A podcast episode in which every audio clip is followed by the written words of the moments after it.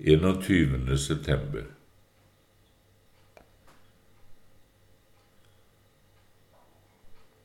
Fra Jesajas 59. kapittel og det første vers leser vi i Jesu navn. Se, Herrens hånd er ikke for kort, så han ikke kan hjelpe. Hans øre er ikke tunghørt, så det ikke kan høre. Rosenius sier. Det er mange mennesker som i alle forhold for øvrig viser seg som rette kristne, men som går der så tynget av en enkelt bekymring, nød eller vanskelighet, som om det aldri var hjelp å få for dette, som om det virkelig fantes en nød der Gud ikke var i stand til å hjelpe, som om Gud var død eller hadde mistet all makt til å hjelpe og som om det virkelig fantes tilfeller hvor Den allmektiges barn måtte finne seg i å være ulykkelige.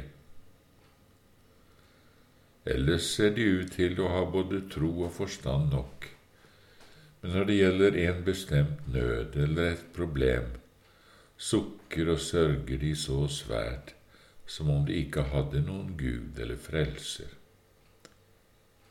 Blir de formant til å stole på Gud, så svarer de jeg vet jo at Gud er både allmektig og trofast, men her er jo en situasjon hvor det ikke er mulig at jeg kan bli hjulpet.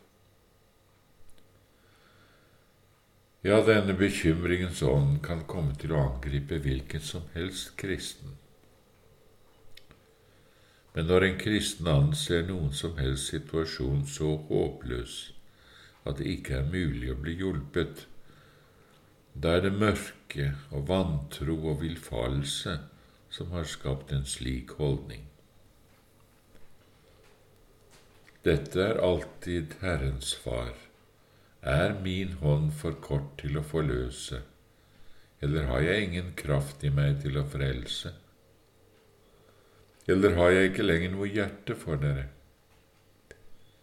Hvor er skilsmissebrevet til deres mor hvor jeg skulle ha gitt dere opp og forlatt dere? Til hvem av dem som har noe å kreve av meg, har jeg solgt dere? Det er altså bare mørke og villfarelse som står bak den tanken at en kristen i noe som helst tilfelle behøver å være ulykkelig. For et Guds barn er aldri ulykkelig kan i virkeligheten aldri være ulykkelig.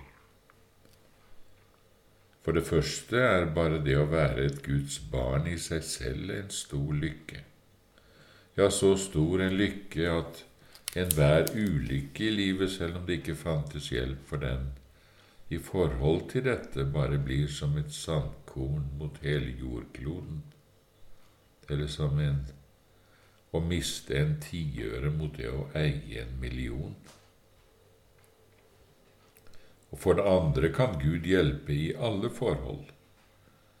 Herrens høyre hånd kan forvandle alt. Og det Herren ikke vil eller ikke finner tjenlig å forvandle, det bør aldri gjøre Guds barn ulykkelige. For det er da helt sikkert til deres eget beste at det får fortsette. Apostelen sier, vi vet at alle ting virker sammen til det beste for dem som elsker Gud. Romerne 8, 28.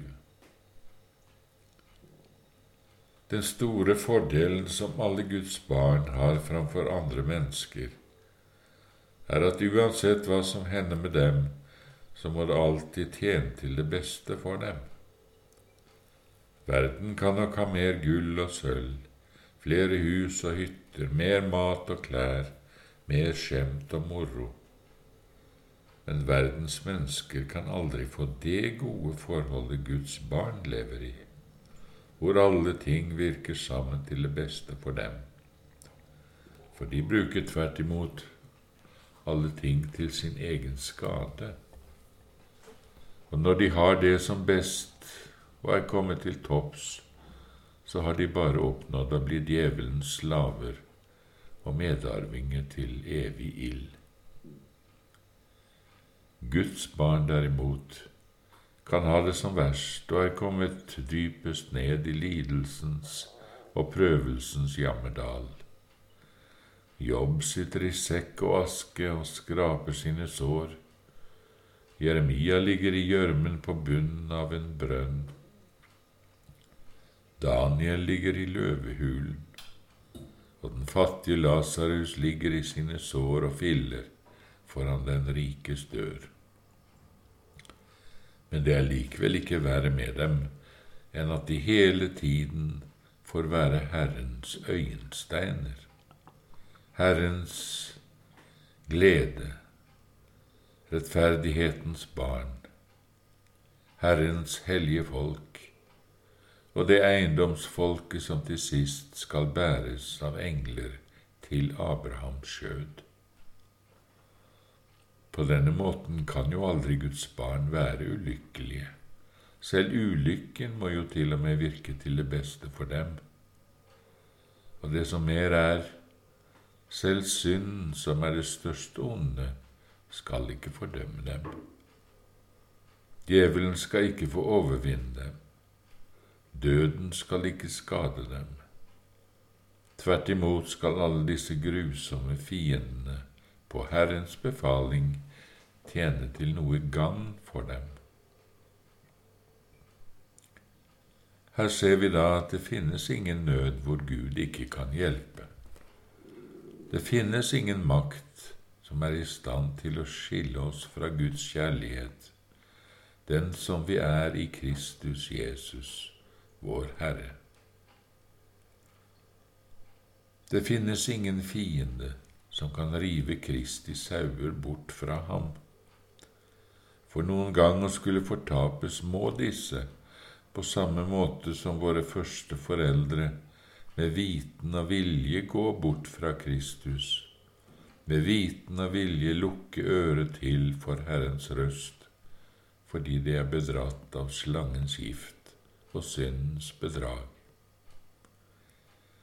Her er grunnen til den viktige sannheten at ingen kristen går fortapt så lenge han selv frykter for at det skal skje, holder Guds ord høyt, hører det og lar seg tale til rette. Så lenge kan ingen makt skille ham fra Kristi kjærlighet. Uansett hvor svak han så er, hvor ille det ser ut, og hvor dypt han er falt i elendighet. Vi kan bli hjulpet i alt så lenge vi søker hjelpen hos Herren, og på den måten der Herren har lovet å hjelpe oss.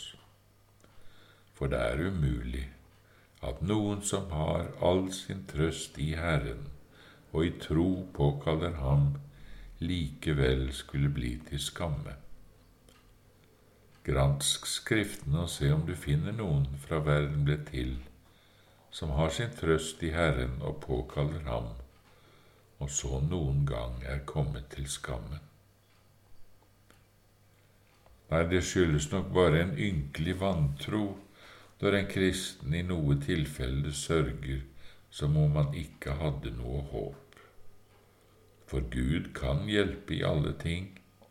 I alle forhold er Han en far, en allmektig og trofast far. Han sørger for sine barn på alle måter, tar del i alt som skjer med dem. Han hjelper, advarer og beskytter, som Skriften sier. Så sier Herren, herskarenes Gud, den som rører ved dere, rører ved hans øyenstein.